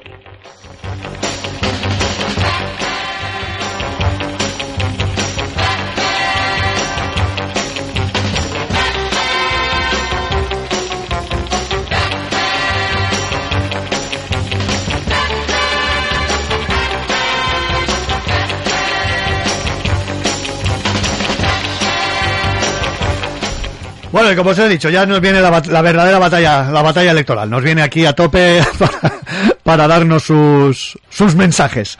Nos emplazamos para el mes de junio. Vamos a ver que ten- si tenemos alguna cosita por ahí. Agradecer sobre todo a Alberto y a, bueno, y a Doc, por supuesto, el haber participado. Oye, que tenemos nuevos oyentes. Tenemos nuevos oyentes desde Mollet y espero que, que hayan disfrutado del programa. Un abrazo y un besazo para, para ellos y ellas, por supuesto, que, que nos escuchen desde, desde el pueblecito de Mollet a el quinto fantástico de Radio Gaba. Y nada más, chicos, os dejo. Me voy. Maite me espera precisamente ahí hoy con la moto ya enchegada, con la bat, con, con la Batgirl para que, para, para llevarnos a la confección del programa. Muchísimas gracias y un abrazo. ¿Queréis leer un po- por la radio? Aquí está. Próximo programa, amiguitos, y no olviden supervitaminarse y mineralizarse.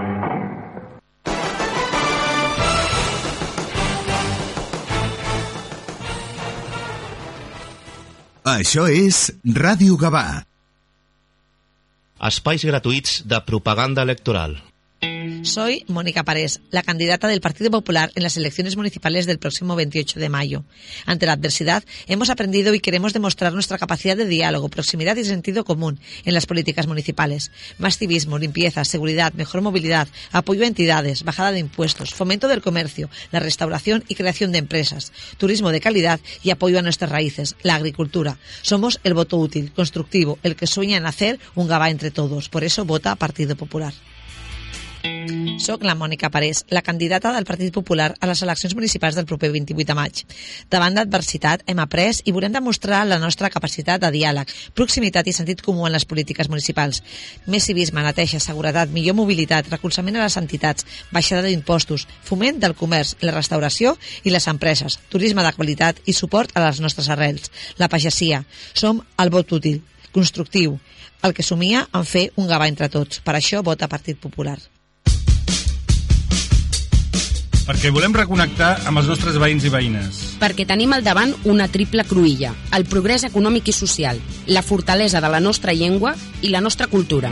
La vigència de les nostres aspiracions nacionals. Perquè hem d'escollir entre la inèrcia dels de sempre i la determinació d'un canvi solvent. Perquè prioritzem l'activitat industrial i el comerç de proximitat. Perquè la participació ciutadana ha de ser un eix vertebrador i no un eslògan. Perquè l'accés a un habitatge digne i assequible és l'arrelament del nostre jovent. Perquè el model de mobilitat urbana s'ha de fer des del convenciment i el consens i no des de l'avorriment. Perquè comunitat també vol dir seguretat, des de la inclusió i la convivència, amb respecte i civisme. Perquè junts volem tornar a fer bategar el cor de Gavà. Junts som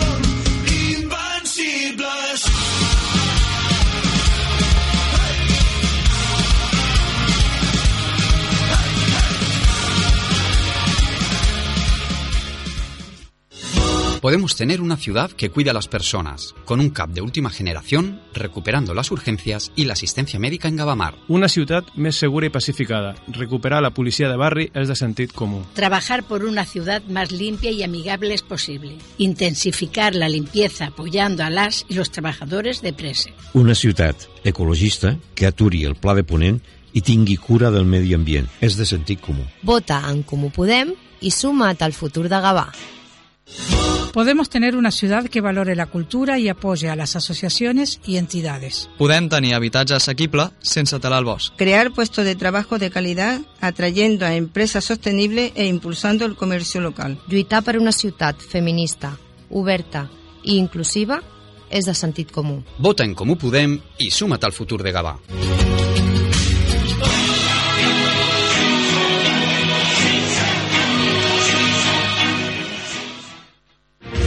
Ha llegado la hora de volver a lo local, responsabilizándonos de la suerte de nuestros vecinos, apostando por el consumo de proximidad, cultivando el trato cercano y preservando lo aprendido de nuestros padres. La patria empieza en los barrios y en los pueblos. No permitamos que la inseguridad, la degradación y la falta de servicios nos los arrebaten. Este 28 de mayo, cuida lo tuyo. Vota Vox. Ha llegado la hora de volver a lo local, responsabilizándonos de la suerte de nuestros vecinos, apostando por el consumo de proximidad, cultivando el trato cercano y preservando lo aprendido de nuestros padres. La patria empieza en los barrios y en los pueblos. No permitamos que la inseguridad, la degradación y la falta de servicios nos los arrebaten. Este 28 de mayo, cuida lo tuyo. Vota a Vox. Espais gratuïts de propaganda electoral. Hola. Vida Mejor, tu inmobiliaria en Gabá, tiene un plan sencillo para que vendas tu piso seguro. Y es que disponemos de más de 2.400 compradores para ti.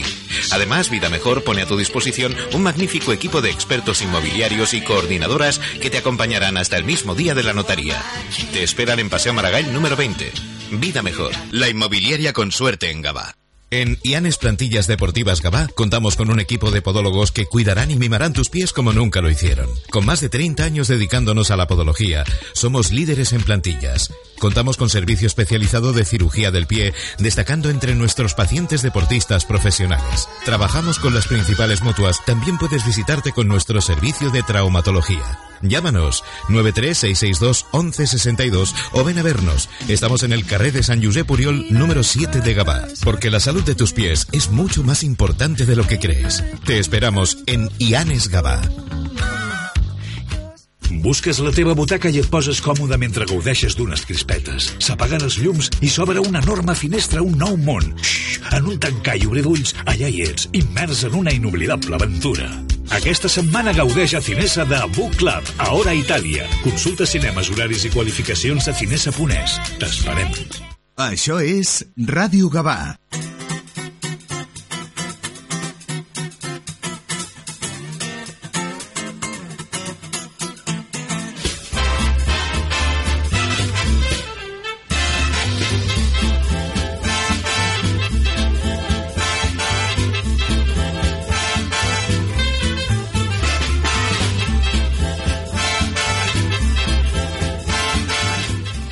Bon dia, benvinguts i benvingudes. Comencem amb G de Capal 91.2 de la FM, www.radiogapa.cat i també ens podeu escoltar a través de la nostra aplicació gratuïta. Sempre dic les 3 W, però en realitat no cal que les poseu. radiogapa.cat. Intento esborrar les W, però encara queden allà residuals.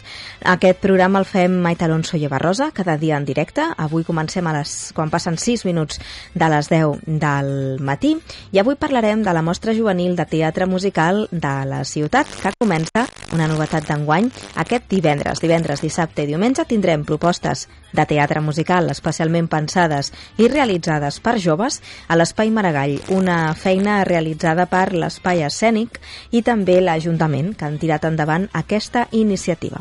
També recuperarem l'entrevista amb la qual vam parlar amb Bacaps Gavà i Viladecans sobre el programa d'acollida d'infants saharauis a l'estiu Vacances en Pau. Encara sou a temps de poder apuntar-vos per ser una família d'acollida aquest estiu i rebre un infant durant els mesos de juliol i agost. A banda d'això, com sempre, us recordem que ens podeu trobar a les xarxes socials i començarem mirant les portades dels diaris.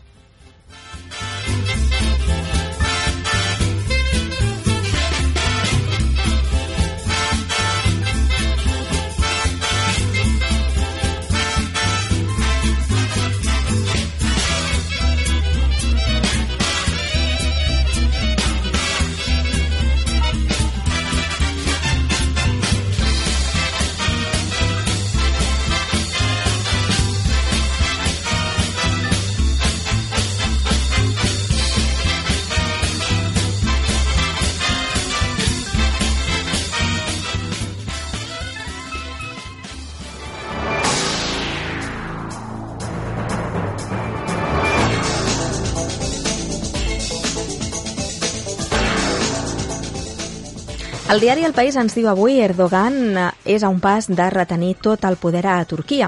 Tindran la majoria del Parlament i anirà amb avantatge a la segona volta. Brussel·les eleva la seva previsió de creixement per a Espanya. El producte interior brut pujarà un 1,9% davant l'1% de la Unió Europea gràcies a la fortalesa de la feina i el desplegament dels fons de recuperació. Per una altra banda, aquest diari parla també de Zelensky, diu que celebra l'ajuda europea. A la fotografia el podem veure fent una abraçada al primer ministre britànic um, Rishi Sunak. Per una altra banda, les feines verdes que, que venen, els graus relacionats amb la transició ecològica, troben una alta demanda. El diari El País parla també de futbol. Xavi prepara ja l'evolució del Barça per després de celebrar, de celebrar la Lliga i la mutació genètica que permet frenar l'Alzheimer, un avançament important en matèria de salut i que el diari El País avui explica.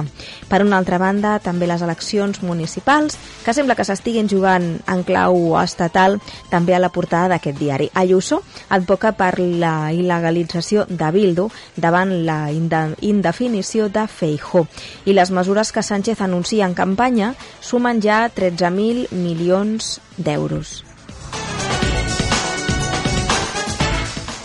La Vanguardia avui ens explica eh, Barça, una rua amb dues ànimes per celebrar una temporada triomfal. El PSOE prova d'esquivar la pressió del Partit Popular per les llistes de Bildu. Sánchez replica que ETA es va acabar fa 12 anys, mentre que Feijó demana canviar la llei electoral i Ayuso i legalitzar la formació a Berchale. Arriba el nou semàfor Tetris per a les bicicletes a Barcelona. I també aquest diari parla de 10 carreres que garanteixen cobrar 1.500 euros al mes. Eh, no tinc clar si és una idea bona o dolenta, si la Vanguardia considera que 1.500 euros al mes és un sueldazo o tot el contrari, no ho sé.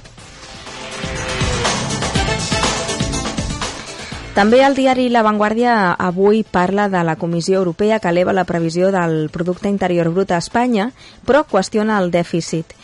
Radiografia de l'habitatge a Barcelona, més promeses que realitat, i també ens, es fa ressò aquest diari de l'inici del Festival de Cannes. El meu germà sempre fa la conya de Canvi de LED, no? És el festival de cinema francès. Per una altra banda, el diari El Periódico avui ens parla del Barça, que torna a envair els carrers, celebrant doncs, la, la Lliga. 28 professors sancionats per assetjar la, a la universitat serà la universitat, però bueno, ah no, a la universitat eh, com, a, com a lloc, no com a institució. En 5 anys, els centres catalans obren més de 150 expedients per violència sexual i laboral. Enric Granado segueix sense agafar el son. És un titular així com eh, metafòric que parla de la quantitat d'establiments de, d'oci i restauració que hi ha en aquest carrer de Barcelona. Més de la meitat de les empreses incompleixen la normativa sobre el control horari. Per una altra banda, Brussel·les augura que el dèficit espanyol no baixarà del 3 amb 3% durant el 2024 i el govern facilitarà la jubilació anticipada dels discapacitats. El diari Ara avui diu que Londres pressionarà l'OTAN perquè Kiev rebi aviat caces de combat. Per una altra banda, la rua dels campions i les campiones. Les plantilles del Barça masculí i femení de futbol van celebrar ahir pels carrers de la ciutat amb autocars separats els seus respectius títols de Lliga. També dos candidats del Partit Popular entre els seguidors ultres que van saltar la gespa del camp de l'Espanyol. El club blanc i blau, que no ha erradicat els radicals, suplica que no li tanquin l'estadi. Clara també parla del debat que va fer BTV, la televisió municipal eh, barcelone, barcelonina, que diu augmenta la tensió entre Colau i Collboni. Trias i Maragall eviten el xoc mentre la dreta centra els atacs en el candidat socialista. El diari El Mundo parla de la recuperació de Podem que complica l'absoluta a Ayuso. Increïble El Mundo eh, fent aquesta publicació. La presidenta aconseguiria el 47,1% dels vots i es quedaria en escons d'haver de prescindir de Vox. En canvi, els morats eh, eh, farien a fugir al fantasma de la desaparició i evitarien la gran majoria del Partit Popular. La lleugera millora del PSOE no li serveix per desbancar la segona plaça a, més, a Mas Madrid. Uh, per tant, les eleccions a, a Madrid i la foto de portada, de portada Yolanda Díaz a Sant Isidro, la celebració dels madrilenys, 25 minuts amb Berrejón, un amb Podemos.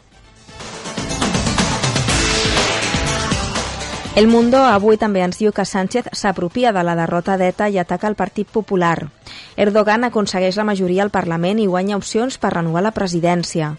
També avui el diari El Mundo diu el Partit Popular portarà a la Fiscalia 1.580 factures del germà de, de Ximo Puig i el govern reforça el seu nucli dur a, In, a Indra i refusa la seva segregació. També aquest diari parla de la caiguda dels digitals o la falsa revolució del periodisme clickbait. La caiguda de uh, BuzzFeed o Vice pressiona Google per la viralització de notícies falses a Discover. Per una altra banda, l'ABC avui què diu? Doncs diu una nova llei deixarà en llibertat a sense papers amb delictes greus. Deixarà en llibertat entre cometes L'avantprojecte de Belarra i Llop estableix que en cas de dubtes sobre l'edat els immigrants seran tractats com a menors. També aquest diari diu les llistes de Bildu fan por a Sánchez. El Brugués Digital a la seva primera plana ha incorporat aquesta notícia. Vuitè Meeting Master Ciutat de Cabà el proper 20 de maig a l'estadi municipal de Bòbila. També diu que Adif i Renfe milloren el servei de la R2 Sud entre Vilanova i Barcelona. Han incrementat la freqüència de pas dels trens. D'aquesta manera l'oferta és de 4 trens en, a l'hora per, per cada sentit en les franges horàries de més demanda, com també vam explicar ahir. Una altra notícia de recent incorporació, doncs no n'hi ha cap de recent incorporació, només en tenim aquestes que us hem comentat. I ara deixarem